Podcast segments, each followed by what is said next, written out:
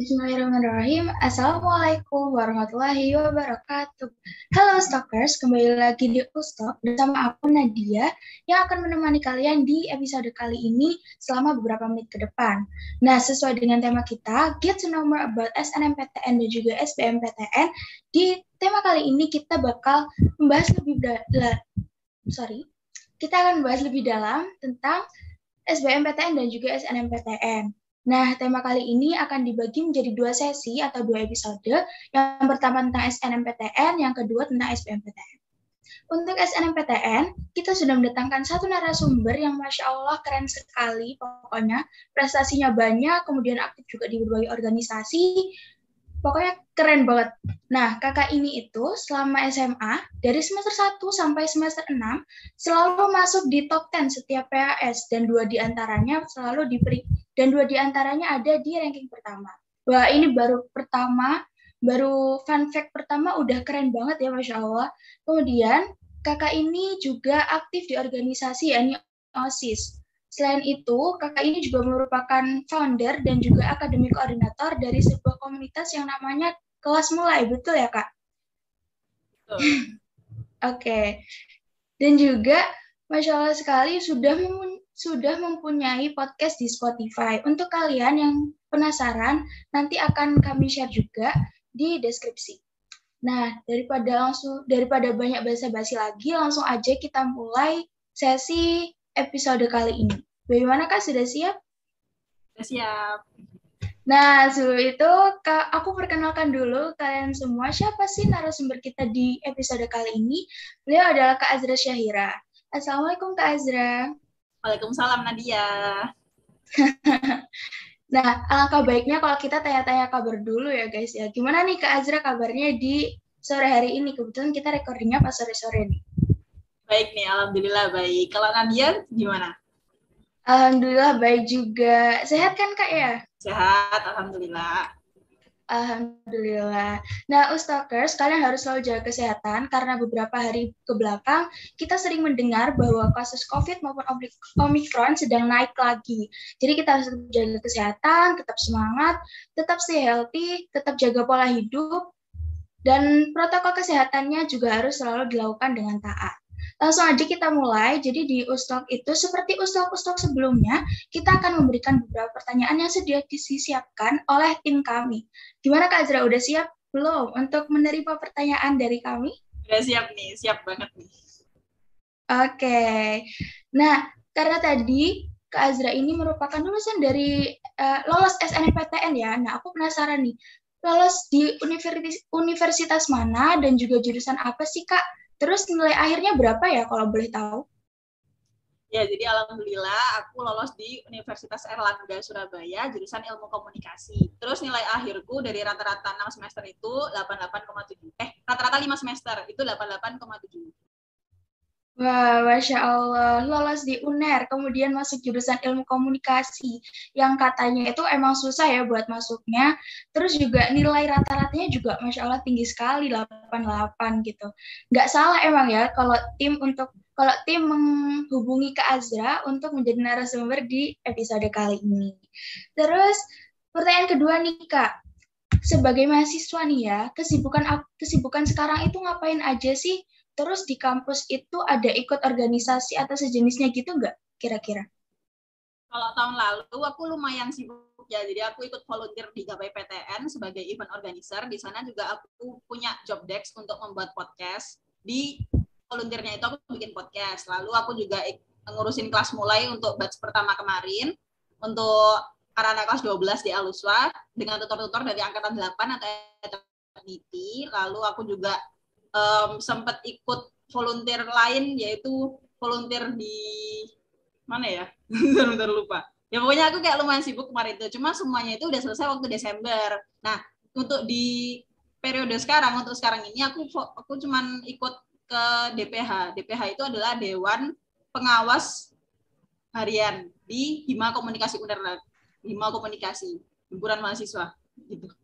Jadi kalau kita aku jadi sekretaris sih barusan banget kemarin gitu Wah, Masya Allah, keren banget. Jadi udah sejak ini ya pas jadi maba itu udah mulai sibuk ikut volunteer-volunteer gitu ya, Kak? ya itu sebenarnya ikutnya kan dari pas aku liburan liburan untuk nerima ke kuliah tuh loh. Kan liburannya panjang oh, iya. banget tuh ada enam ada enam bulanan gitu ya. Itu tuh aku ya cari-cari kegiatan aja sih soalnya ya bosan juga kan nggak mau ngapain gitu. Oh masya allah ada ya ternyata. Kayaknya kalau orang-orang yang udah wow gitu. Ketika liburan tuh malah ngerasa bosen kalau nggak ngelakuin apa-apa. Kan kalau biasanya kita malah bosen kok sekolah atau apa liburan enaknya rebahan enaknya nonton atau baca buku. Lanjut nih kak ke pertanyaan selanjutnya. Seberapa penting sih kak nilai rapot dan ranking untuk bisa lolos SNMPTN terus juga apakah ranking dari eligible itu tuh menentukan kelolosan kita di SNMPTN kalau nilai rapot sendiri itu sangat-sangat penting ya, terutama mata pelajaran yang inti kayak mata pelajaran kalau di IPS kan yang geografi, ekonomi, sosiologi, sejarah, sama mata pelajaran matematika, sama apa ya satunya aku lupa. Itu pokoknya mata pelajaran yang inti itu sangat-sangat penting sekali dan juga nggak hanya dilihat dari nilai akhir saja, tapi nilaimu itu per semester tuh meningkat terus atau gimana. Jadi daripada nilai akhirmu, kan nilai akhirku tuh 88,7 ya. Itu kalau dibandingkan dengan orang lain yang di luar sekolah, teman-temanku yang masuk eligible SNPTN di UNER juga, itu tuh mereka nilainya ada yang 90, 92 gitu kan. Aku cuma 88,7, tetapi nilaiku itu dari semester 1 sampai semester 5 itu selalu naik gitu loh grafiknya. Jadi nggak nggak nggak stuck maupun nggak turun, tapi kayak selalu naik dikit dikit dikit gitu. Nah, yang dilihat dari SNPTN adalah itu. Jadi walaupun nilaimu itu nilai akhirnya nggak besar-besar banget, tetapi apabila grafikmu itu selalu naik, itu tuh membuktikan bahwa kamu orang yang konsisten dan orang yang maksudnya um, kamu itu punya ambisi di sana gitu kayak oh anak ini bisa diandalkan gitu. Maka dari itu juga dilihat dari grafiknya. Kalau yang ranking eligible bagaimana kak? Apakah menentukan lolos tidaknya di SNMPTN kalau ranking eligible itu kan ranking itu dilihat dari nilai juga kan. Jadi kalau menurutku iya menentukan cuman balik lagi ke diri sendiri karena kan ranking itu kan ditentukan oleh nilai tetapi selain nilai SNMPTN juga dilihat dari sertifikat yang dipunya Nah, alhamdulillah kemarin aku rankingnya ranking satu sama sertifikatku ada dua, yaitu finalis Olimpiade Geografi sama semifinalis bisnis plan. Jadi aku ngerasa juga mungkin sertifikatnya bakal bantu. Cuman dari teman-temanku yang lain, walaupun dia rankingnya tuh ranking 5 di sekolahnya gitu ya, tapi dia sertifikatnya sampai nasional, itu dia juga akhirnya bisa lolos gitu. Jadi walaupun ranking juga menentukan, tetapi banyak faktor lain juga gitu di SNPTN dan juga alumni. Temanku dari sekolah lain itu kalau alumninya banyak yang masuk UNER, terutama banyak kemasukan jurusan yang dia pilih, itu peluang untuk lolosnya lebih gede lagi gitu. Oh, berarti ada banyak hal yang mempengaruhi lolos tidaknya SNMPTN ya, Kak? Nah, jadi kenapa, jadi Ustakers sekalian, kenapa guru-guru itu selalu berkata kalau enggak seenggaknya kalau nilaimu tetap ya harus naik gitu. Ternyata ini adalah salah satu faktor yang menentukan lolos tidaknya SNMPTN. Begitupun juga dengan guru-guru seperti Ustadz Prabowo yang sering nge-share info lomba-lomba untuk kita ikuti. Nah, itu tuh sertifikatnya nanti juga akan berguna untuk di SNMPTN itu. Jadi harus kita harus lebih aktif ya, apalagi buat yang masih kelas-kelas awal sebelum kelas 12, ayo lebih aktif lagi, nilainya dinaikin lagi, terus juga ikut lomba-lomba biar punya banyak pengalaman terus juga bisa dapat sertifikat gitu. Kemudian pertanyaan selanjutnya nih Kak, apa aja sih suka dan duka dari lolos SNMPTN? Tapi kalau aku yakinnya ya, siapa sih yang nggak suka kalau misalkan lolos SNMPTN ya? Karena istilahnya kita dapat tiket VIP selangkah lebih maju dari teman-teman kita yang belum bisa mendapat kesempatan itu. Boleh dong Kak di-share suka dan dukanya lolos SNMPTN itu? kalau ngomongin suka dan duka mungkin aku bakal lebih cerita ke suka dan duka aku belajar selama kelas 12 ya karena emang dari awal aku nggak nggak targetin SNMPTN sih karena aku tahu SNMPTN itu faktornya kan banyak banget yang aku jelasin tadi dari alumni, dari nilai, dari sertifikat dan itu tuh kayak masih abu-abu semua gitu. Kita tuh nggak benar-benar tahu kualifikasi apa yang dibutuhkan oleh panitia ya, sehingga kita lolos apa enggaknya gitu kan. Kita cuma bisa ya udah kita daftar tapi ya udah pasrahin aja gitu nggak usah berharap di SNMPTN kan maka dari itu dari awal aku nggak berharap ke sana aku dari kelas 11 semester 2 tuh udah ngejar UTBK dari bulan pokoknya ke kelas 11 semester 2 setelah ujian kenaikan kelas kan ada liburan tuh itu tuh aku udah nyoba ikut tryout tryout pahami fee dan sebagainya itu kan aku juga belajar keras di situ terus mulai Desember bulan Desember sampai bulan Maret Maret awal sebelum pengumuman itu aku bener-bener yang ngedrill soal tuh kayak gila-gilaan banget. Aku sehari bisa ngerjain 160 soal. Kan itu kan kalau misalnya UTBK kan ada delapan mapel yaitu yang TPS-nya ada empat, terus ada geografi, sosiologi, ekonomi, sejarah. Jadi kan totalnya delapan kan tuh. Sehari aku ngerjain per mapelnya 20 soal, jadi totalnya 160 gitu kan. Itu tuh soalnya aku nggak ikut les, aku belajar sendiri, tapi aku ikut jadi aku tuh kayak um, ikut bimbingan gitu. Bimbingan itu dari satu orang namanya kalau kalian cari di IG itu tulisannya Rizky Deat gitu kan. Ya, namanya Kak Riris gitu. Tapi ikut bimbingan di situ. Jadi dia ngasih tahu gimana strategi apa, strategi belajar gimana yang aku gunakan yang bisa lolos itu kan. Akhirnya dari yang aku dunia tuh males banget. Aku tuh anaknya pemalas banget kayak nggak pernah seambis ini kan. Cuman karena dari Riris itu kayak nargetin, ayo kamu sehari 160 soal bisa nggak gitu kan. Awalnya ya, awalnya tuh kayak, aduh bisa nggak sih ini? Kayaknya nggak mungkin deh aku 160 soal gitu kan tapi ya udah aku kerjain aku bangun pagi kerjain 40 soal. Oh kelar 40 soal. Nanti siang lanjut lagi ngerjain lagi ngerjain lagi gitu. Buat, buat sampai malam itu kan batasnya jam 12 nih mesti kalau mau kulit kan. Aku jam 10 tuh kayak masih selesainya masih 100 soal gitu kurang 60 lagi. Kayak kerjanya sambil nangis gitu. Tapi ya udah kerjain aja terus gitu kan. Tapi akhirnya lama kelamaan aku bahkan sebelum malam kayak jam 6 sore maghrib tuh aku udah kelar semua. Kayak lama kelamaan aku mulai terbiasa dan aku rasa kayak enjoy ngerjainnya gitu dan juga aku ngerasanya daripada aku mahamin materi kayak aku lihat video materi itu aku kerjain soal itu aku lebih cocok kalau aku langsung ngerjain soal langsung gitu. Jadi aku ngerjain soal ini sambil buka Google buka materi. Jadi kalau misalnya kita ngerjain soal kita akan kayak ngulang materi lagi gitu loh. Karena kan kita kalau misalnya nulis satu soal pasti kita misalnya soalnya tentang um, tentang permukaan bumi gitu ya. Terus nanti aku catat di sebelah soalnya gitu. Aku kasih catatan tentang soal itu tentang apa, jawabannya gimana. Terus per jawabannya A, B, C-nya itu aku juga jelasin ini A, B, C itu yang A itu artinya apa, maksudnya apa gitu. Jadi jadi kayak walaupun aku ngerjain soal aku juga ngulang materi kembali gitu. Dan itu yang di situ yang aku nikmatin sebagai ternyata belajar itu seru ya gitu. Jadi aku suka dan dukanya ya itu sih kayak ngerjain soal sampai rasa itu mau nangis, sampai rasa itu gimana, tapi sukanya ya ternyata aku juga lolos gitu. Dan itu kayak bener-bener sesuatu yang nggak terbayangkan gitu loh. Jadi bahkan itu kan tanggal 23 23 Maret ya. SNMPTN tuh 23 Maret jam 3 sore pengumumannya. Aku jam 2 pokoknya jam 2 jam 1 tuh aku masih ngerjain soal soal yang itu soal taharian gitu. Aku masih ngerjain karena aku kayak udahlah nggak usah berharap gitu. Aku aku kayak di laptop nih login login ke akun SNMPTN tuh aku masih ngerjain soal gitu terus waktu di enter kayak oh my god aku keterima tuh kayak udah nggak jadi ngerjain gitu. Wah, tapi terbayarkan ya habis itu perjuangannya bisa lolos SNMPTN. Yeah. Tapi yang mau ngomong nih Kak, kan udah ngerjain banyak soal tuh ya 160 lebih lah istilahnya. Bahkan bisa ratusan lebih ya. Itu tuh pernah gak sih ketika lolos SNMPTN tuh rasanya kayak ya ternyata selama ini aku ngerjain soal kayak nggak kayak nggak berguna, nggak ada gunanya gitu. Pernah nggak sih ngerasain kayak gitu?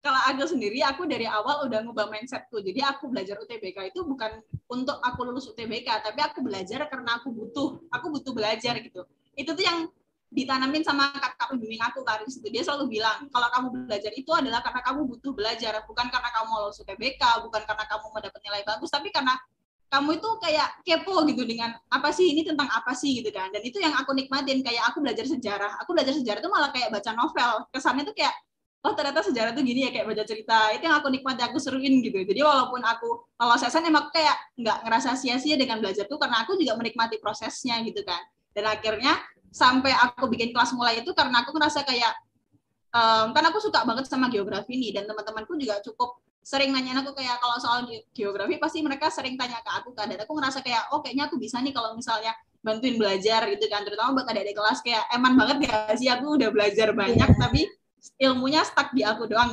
gitu kan. Akhirnya akhirnya bikin kelas mulai gitu. Bikin kelas mulai ngajak teman-teman gitu. Biar sekali berbagi ilmu juga gitu Oh, Masya Allah, berarti emang harus mindsetnya ya yang dirubah. Kita belajar karena butuh, bukan karena kita mau punya nilai atau kita mau punya prestasi gitu. Karena emang di kehidupan tuh kita harus selalu belajar, bukan hanya tentang akademik, tapi juga non akademik, tentang life skill segala macam itu kita harus tetap belajar di kehidupan ini. Oh, Masya Allah, keren banget ya Allah. Aku merinding dengar jawaban-jawabannya. Kemudian pertanyaan selanjutnya, Kak dulu ada nggak sih kebiasaan yang istiqomah atau konsisten dilakukan yang itu tuh menunjang lolos di SNMPTN? Kalau orang-orang bilang itu istilahnya kayak jalur langit gitu ya, banyak doa, banyak tilawah dan segala macam. Nah gitu tuh ada nggak sih yang dilakuin sama Kak Azra yang istiqomah yang akhirnya tuh bisa menunjang lolos SNMPTN? Boleh dong di-share gitu? Pasti ada ya, terutama buat sholat tahajud, sholat duha itu jangan sampai bolong sama sekali, jangan sampai bolong. Terus puasa Senin Kamis. Tapi kalau Senin Kamis aku sering bolong-bolong sih, soalnya suka lupa sahur kan. Tapi kalau yang benar-benar aku konsisten tuh duha, tahajud, terus setiap malam tuh almul, terus yang dikasih tahu sama kakak pembimbing aku kalau kita pagi itu coba infak subuh infak subuh tuh benar-benar kalau buat aku keajaiban itu benar-benar gak terhingga gitu kan jadi kalau misalnya subuh tuh aku ke masjid infak terus ya udah aku pulang lagi gitu kan ya udah gitu maksudnya itu tuh sesuatu yang konsisten tapi benar-benar berdampak gitu loh Wah, masya Allah. Jadi walaupun sholat di rumah tapi infaknya di masjid gitu ya kak? Ya. Atau wah kayaknya sholat subuh itu adalah sebuah tantangan jangan kan sholat subuh, sholat tahajud aja itu kayaknya sebuah tantangan besar karena rata-rata jam segitu tuh jam-jamnya ngantuk gitu kan. Tapi ternyata ada banyak sekali manfaat ketika kita melakukan hal-hal ibadah-ibadah tersebut ya, terutama hal-hal yang emang rasanya tuh kayak susah untuk dilakukan. Iya, tapi kalau gimana kalian, kalian mau sholat subuh di masjid malah lebih bagus lagi gitu. Cuman kemarin aku kayak infaknya itu ya masih jam limaan kan udah selesai itu subuhnya yeah. kan. Jadi baru aku ke sana gitu. Jadi nggak kayak pagi-pagi buta gitu ya, karena jam segitu tuh kan dingin banget ya Surabaya biasanya. Uh, Masya Allah, keren. Buat ustaz sekalian ya, walaupun kelas 10 maupun kelas 11, ketika kalian denger podcast ini nih, bisa kalau langsung dilakuin, siapa tahu lebih apa ya istilahnya bisa nabung dari sekarang gitu loh jalur langitnya gitu siapa tahu bisa lebih sukses lagi ke depannya karena hal-hal kecil, karena ibadah-ibadah yang konsisten, konsisten dilakukan. Oke, pertanyaan selanjutnya nih Kak. Cara belajar yang dilakukan oleh Kak Azra itu kayak gimana sih? Terus gimana caranya untuk bisa tetap konsisten untuk belajar? Karena yang kita tahu belajar itu sebenarnya itu gampang, tapi konsistennya itu yang susah karena ada banyak banget rasa males yang sering menyerang gitu ya. Rasanya kalau mau belajar tuh ngelihat buku, buka buku aja terus ya aduh ngantuk banget udah besok aja deh akhirnya nggak jadi belajar gitu. Nah gimana cara belajar gimana sih yang Kak Azra terapkan dan juga gimana caranya Kak Azra untuk bisa tetap konsisten? Kalau cara belajar yang aku terapkan tadi sempat aku singgung ya aku langsung ngerjain soal. Karena kan kalau untuk materi aku udah selesaikan di awal awal kelas 12 awal banget. Itu tuh aku udah selesaikan malah di kelas 11 akhir aku udah menyelesaikan semua materi kan jadi aku tinggal latihan soal. Terus juga latihan soal ini akhirnya aku nggak stuck di satu materi aja karena kan setiap soal pasti antara soal pertama soal kedua itu pasti materinya langsung beda bab gitu ya beda topik gitu kan. Nah itu bikin aku nggak nggak bosan belajarnya karena langsung beda gitu perbedaannya itu beda jauh kan. Itu yang bikin aku jadi semangat belajar karena itu sesuatu yang beda gitu. Jadi aku soal terus aku catat bikin catatan kecil di sebelah soalnya itu yang bikin aku jadi lebih nggak bosan habis itu cara konsisten adalah ya kalau konsisten ya harus dipaksa sih kalau menurut Iya bener sih. Kalau kita nggak konsisten, kalau kita nggak melakukan itu untuk diri kita sendiri, akhirnya masih diberantakan gitu kan ya. Oke. Okay. Ya, kalau misalnya kalian tuh, kalau misalnya udah mulai males nih, aku kalau selalu pas motivasiku turun, aku selalu nginget kayak tujuanku tuh sebenarnya mau ngapain sih? Aku ngelakuin segala hal ini tuh buat apa? Itu yang aku ingat aku kan pengen dari kelas 10 aku udah pengen banget masuk ke ilmu komunikasi kan. Mau itu di mana pun univnya aku bener-bener kayak aku mau ke ilmu komunikasi gitu kan. Jadi bener-bener aku kayak kalau aku mulai malas aku langsung oh iya kan siapa yang masih mau ke ilmu komunikasi? Masa kamu gini aja udah malas gitu kan. Terus nanti kalau nggak masuk ilmu ilkom gimana gitu. Jadi kayak ayo semangat lagi semangat aku harus masuk ilkom gitu. Apalagi kan kalau uh, masuk PTN itu kan saingannya nggak cuma satu dua orang dari sekolah yang iya. sama ya, tapi dari seluruh Indonesia. Jadi konsistennya harus dipertahankan, kemudian juga jalur langitnya harus lebih jor-joran lagi ya. gitu. Nah, pertanyaan selanjutnya nih Kak, gimana sih kan dulu ini ya Kak Azra tuh aktif banget di organisasi ya. Aku lihat di CV-nya itu bagian organisasi OSIS-nya tuh banyak banget gitu. Nah, gimana sih caranya mengimbangi antara akademik dan juga organisasi? Karena yang kita tahu nih ya, kalau misalkan kita tuh cuma bisa fokus di satu hal gitu, terus yang lainnya nanti keteteran gitu. Gimana sih Kak caranya mengimbangin antara akademik dan juga organisasi biar organisasi jalan lancar, tapi akademik juga nilainya tetap naik gitu. Oke, jadi kalau cara ngimbanginnya itu aku kan anaknya tuh suka banget bikin jurnal nih. Kalau misalnya yang sekelas sama aku pasti tahu aku selalu punya jurnal yang suka aku hias-hias kasih stiker gitu kan. Nah, di jurnal itu aku selalu bikin tiap bulannya aku bikin planner gitu Nah, kayak gini. Nah, kayak gini.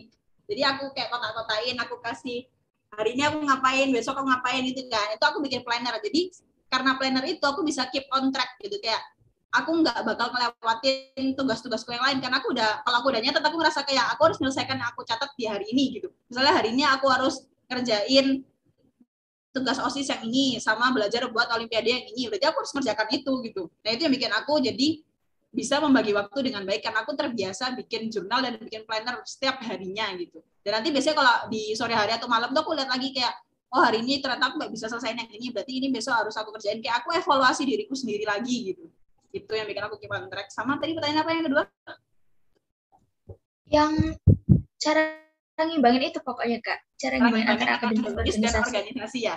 Nah, yeah. kalau misalnya akademis sendiri, aku nggak ada cara-cara khusus sih. Jujur dulu aku belajarnya juga pas ulangan doang. Cuman yang bikin aku semangat belajar waktu ulangan itu karena kan kalau top 10 di Also ini selalu dapat hadiah, dapat duit gitu kan. Nah, aku kan anaknya tuh dari keluarga yang biasa-biasa aja nih. Jadi aku kalau misalnya sama sesuatu yang hadiah gitu, aku saya oh aku harus bisa nih dapat ini gitu. Nah, itu tuh jadi motivasi motivasiku banget untuk mendapatkan hadiah gitu karena kan jadi kalau harus nilaiku bagus aku harus masuk top 10 biar aku bisa dapat hadiah nih gitu dan secara nggak langsung akhirnya itu yang bikin aku bisa mempertahankan nilai akademisku gitu.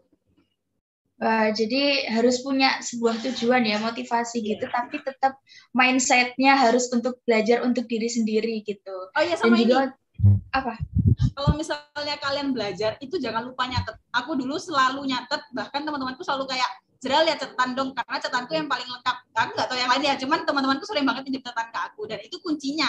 Jadi walaupun kamu nggak belajar setiap hari, tapi karena pas pelajaran itu kamu selalu nyatet. Jadi walaupun bukan catatan yang di PowerPoint aja ya tapi gurumu ngomong apa tuh kamu catat semua karena terkadang di ujian tuh keluarnya tuh nggak ada di PowerPoint tapi adanya tuh yang diomongin sama guru. Jadi itu penting banget buat dicatat kan. Dan akhirnya kalau masa ujian aku nggak keteteran belajarnya karena aku udah pernah nyatet. Jadi kayak aku tinggal ngulang aja gitu. Itu yang penting sih harus nyatet gitu.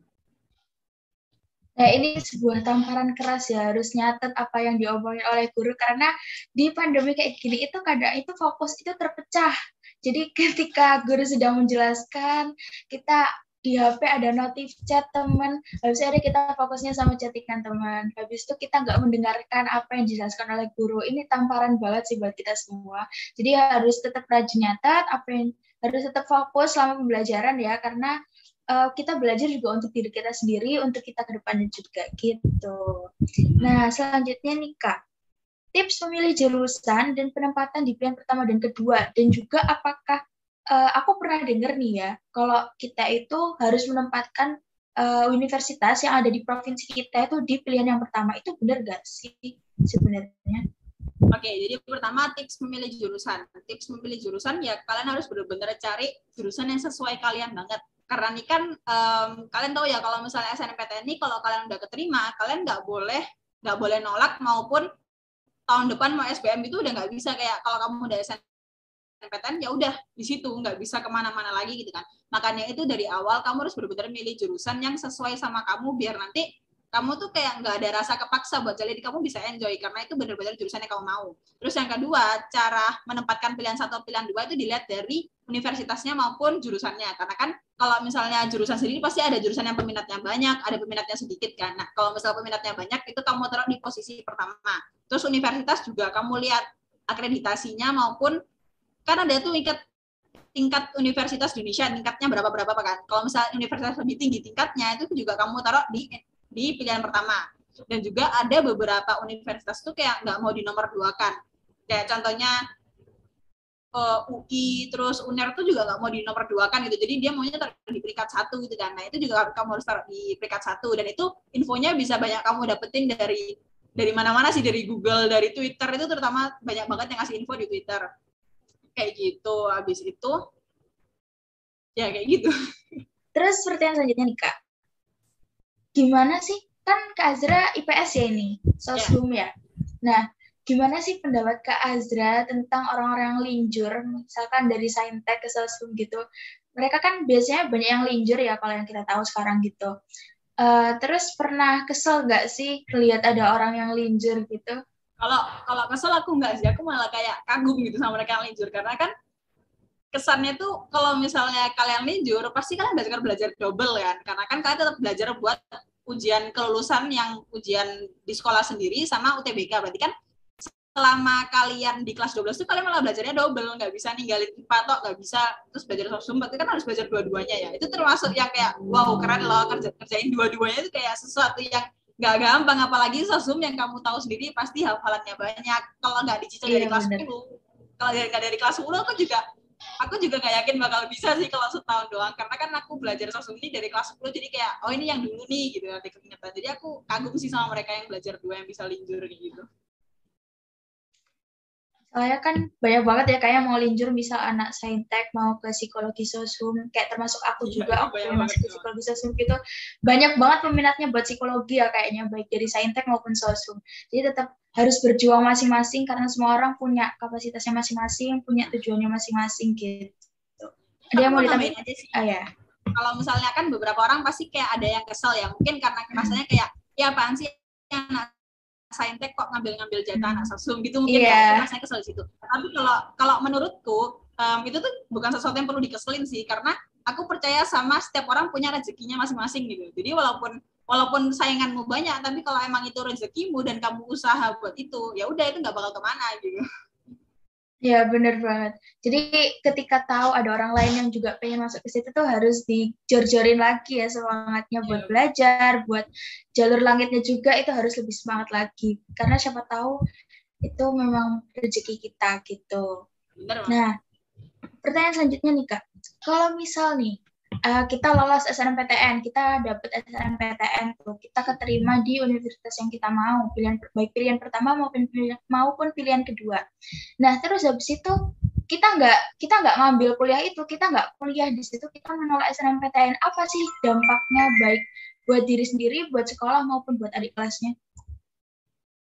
Pokoknya jangan banget ya, nggak boleh banget kayak gitu. Karena dampaknya tuh nggak ke kamu doang, tapi ke adik kelasmu sama sekolah jadi misalnya aku terima UNER nih di Ilkom, tapi nggak aku ambil. Nah, nanti bisa-bisa Aluswa dan adik kelasku beberapa generasi itu bakal di blacklist sama UNER sendiri. Kayak kesannya gini nih, kalau misalnya kamu udah ngasih sesuatu ke orang kayak UNER ngasih hadiah SNMPTN ke aku, tapi aku tolak, pasti aku bakal marah dong, pasti UNER bakal marah dong. Kayak kamu ini udah dikasih hadiah malah ditolak gitu kan, akhirnya marah dan akhirnya udah nggak usah ngasih ke dia lagi, ntar ditolak lagi gitu kan, jadi istilahnya tuh kayak gitu, sekolahmu tuh bakal di blacklist dan akhirnya adik kelasmu yang kasihan. Adik kelasmu nggak bisa daftar ke univ itu. Cuman gara-gara kamu doang gitu kan kayak gitu. Jadi jangan sampai kalian nolak SNMPTN dan juga nggak berhenti di situ. Kalau kamu udah di SNMPTN kamu harus menjaga nilai dan perilakumu. Kalau bisa harus berprestasi itu sampai lulus. Karena kalau di SNMPTN kamu tuh bakal bawa nama SMA terus gitu. Jadi di univ tuh kamu bakal lihat misalnya kamu anak SNMPTN terus kamu juga di univ itu berprestasi. Pasti yang bakal lihat kayak oh ini anak anak dari mana nih? Oh dari SMA Luswa gitu. Jadi nanti kalau misalnya kamu bisa mengharumkan nama univmu kamu bakal dilihat lagi misalnya SMA-mu dilihat lagi sama univ kayak oh anak Aluswa yang jalur SNMPTN ini semuanya punya potensi nih. Berarti kita bisa ngasih um, slot lebih banyak lagi ke Aluswa karena semua anak Aluswa yang masuk SNPTN itu berpotensi ya. Itu kan bakal berdampak baik lagi ke sekolahmu kan. Maka dari itu kamu harus benar-benar hmm. jaga nama sekolahmu sih kalau kamu keterima SNPTN gitu sampai lulus gitu. Oh wow, jadi nggak berhenti di situ aja ya, nggak berhenti ketika ya, kita dapat pengumuman lolos SNMPTN itu aja ya, tapi harus sampai lulus gitu, karena siapa tahu akan imbas ke adik kelas maupun sekolah gitu. Jadi Berarti ini ya, kayak gampang, istilahnya kayak hmm. gampang, kayak suatu hadiah, tapi juga ada beban tersendiri gitu ya, menjaga gitu. Jadi kalau uh, eh, SNMPTN tuh jurusan jurusannya itu juga nggak boleh ini ya nggak boleh sembarangan milih ya. Misalkan kita pengennya apa tapi kita menempatkan di pilihan satu itu apa. Jadi malah ya. akhirnya kita makan hati sendiri kita keterima bener, tapi bener, kita nggak enjoy sama jurusannya gitu. Nah, bener tapi ketika ketika kita nggak lolos SNMPTN itu kan juga ada jalur SBMPTN kan ya Nah, itu yeah. tuh apakah ketika kita menolak SNMPTN terus kita ikut SBMPTN itu juga nggak bisa? Maksudnya ketika kan tadi di blacklist gitu kan ya, sekolah sama di kelasnya gitu. Nah, ketika mereka mau ikut dengan SBMPTN gitu apakah juga nggak bisa? Ya, kalau Atau misalnya bisa? kalian udah keterima SNMPTN, otomatis dari pihak LTMPT yang adakan SNM sama SBMPTN itu kalian udah di daftar tuh udah nggak bisa ikut SBMPTN buat tahun ini maupun tahun-tahun selanjutnya gitu. Jadi kalau kamu nolak ya kamu juga nggak bisa ikut SBMPTN. Jadi kayak ya udah kamu mau ke mana lagi gitu. Berarti nggak bisa nggak bisa di universitas universitas yang sama gitu ya Islam? Di universitas mana pun kamu tetap nggak bisa ikut SBMPTN gitu. Wow. Kok ngeri banget. misalnya- Jadi Misalnya juga kamu misalnya ngerasa salah jurusan nih, kamu misalnya ikut Hmm. masuk SNPTN, terus kamu ngerasa tahun depan aku mau SBM lagi ya ganti jurusan gitu ya, itu kamu juga nggak bisa karena kamu udah terima SNPTN, jadi kamu udah udah nggak bisa ikut SBMPTN sampai tahun-tahun selanjutnya juga udah nggak bisa gitu. berarti udah stuck di situ ya. Ya maka dari itu harus benar-benar milih jurusan yang kamu mau gitu.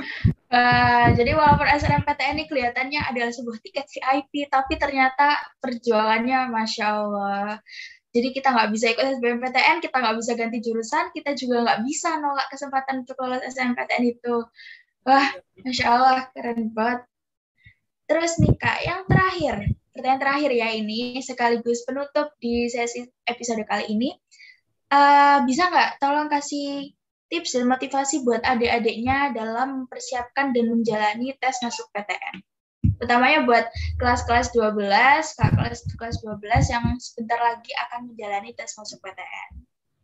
Kalau tips dan motivasi terutama buat kelas 12, tapi juga kelas 10 11 itu yang bisa aku bilang itu adalah kalian harus konsisten. Buat kelas 12 kalian harus konsisten dalam belajarnya, jangan sampai bosen. Bosen itu ada, tapi jangan kelamaan gitu. Kalau misalnya kalian mulai bosen sehari, dua hari, oke okay lah. Tapi ya udah kalian harus bangkit lagi, harus belajar lagi karena kalian perlu tahu kalau itu memang udah kewajibanmu. Kita udah punya UTBK ini bentar lagi gitu. Jadi kalian harus konsisten. Terus buat kelas 10 11, ayo cari lomba-lomba yang banyak karena bener lomba-lomba itu benar-benar kasih benefit banget sih emang dari segi sertifikat maupun ilmu gitu. Terus yang kedua, jangan bosan belajar. Belajar itu dinikmatin aja. Kalau kalian bisa menikmati belajar, karena pasti ngerasa belajar itu seru kok. Itu tuh nggak sesuatu yang beban gitu. Itu belajar itu seru. Kayak mencari sesuatu yang baru, kayak wow seru banget. Kalau misalnya kalian udah bisa ngerasain enaknya proses belajar, kalian pasti bakal enjoy banget dalam proses belajar itu sendiri. Semangat. Terus buat kelas 12, jangan terlalu ngarepin SNPTN sih. Kalian harus tetap fokus ke UTBK gitu. SNMPTN itu cuma hadiah gitu. Wah, jadi buat kelas 10, kelas 11, ayo semangat terus dalam belajar, tingkatkan nilainya, terus cari sertifikat-sertifikat juga, apa pun yang bisa menunjang lolos SNMPTN maupun masuk ke daftar eligible. Terus juga buat kak kelas-kelas 12, semangat terus belajarnya. Bosan itu wajar ya sebenarnya, tapi harus balik lagi kita itu belajar itu karena kita tuh butuh, kita butuh buat diri kita sendiri, kita buat kita butuh buat diri kita ke depannya. Jadi nggak boleh ada kata malas dalam belajar dan juga kalau misalkan kita masuk ke eligible gitu ya kita harus tetap harus ini mempersiapkan untuk UTBK untuk SBMPTN karena uh, takdir nggak ada yang tahu siapa Nah, tahu. Betul. naudzubillah ya naudzubillah banget. Naudzubillah banget nggak keterima di SNMPTN tapi harapannya semoga buat kak kelas kelas 12 bisa keterima di SNMPTN semua ya biar uh, apa biar lancar semua urusannya gitu. Iya. nah alhamdulillah nih jarak kak mau nambahin dikit nih? Karena jarak Iya, dari silakan. pengumuman SNMPTN jarak pengumuman SNMPTN ke UTBK itu kayak cuma dua minggu tiga minggu gitu. Jadi kalau misalnya kalian udah terlena karena masuk eligible tapi naudzubillah kalian nggak terima waktu kalian untuk belajar UTBK itu tinggal dikit banget tinggal tiga minggu. Nah kita kan nggak mau nih udah nggak terima SNM UTBK juga gagal kan jangan sampai gitu ya. Jadi paling nggak tuh kalian harus Iya. bisa mempertahankan salah satu gitu. Kalau misalnya nggak terima SNM berarti kalian udah punya ambisi udah punya bekal yang cukup untuk mempersiapkan UTBK itu Ya, gitu guys. Gitu ya, kakak kelas 12 dipersiapkan juga. Jangan terlena sama eligible, karena ya takdir di ke depannya tuh nggak ada yang tahu. Tapi ya semoga semuanya adalah takdir baik yang menghampiri kalian.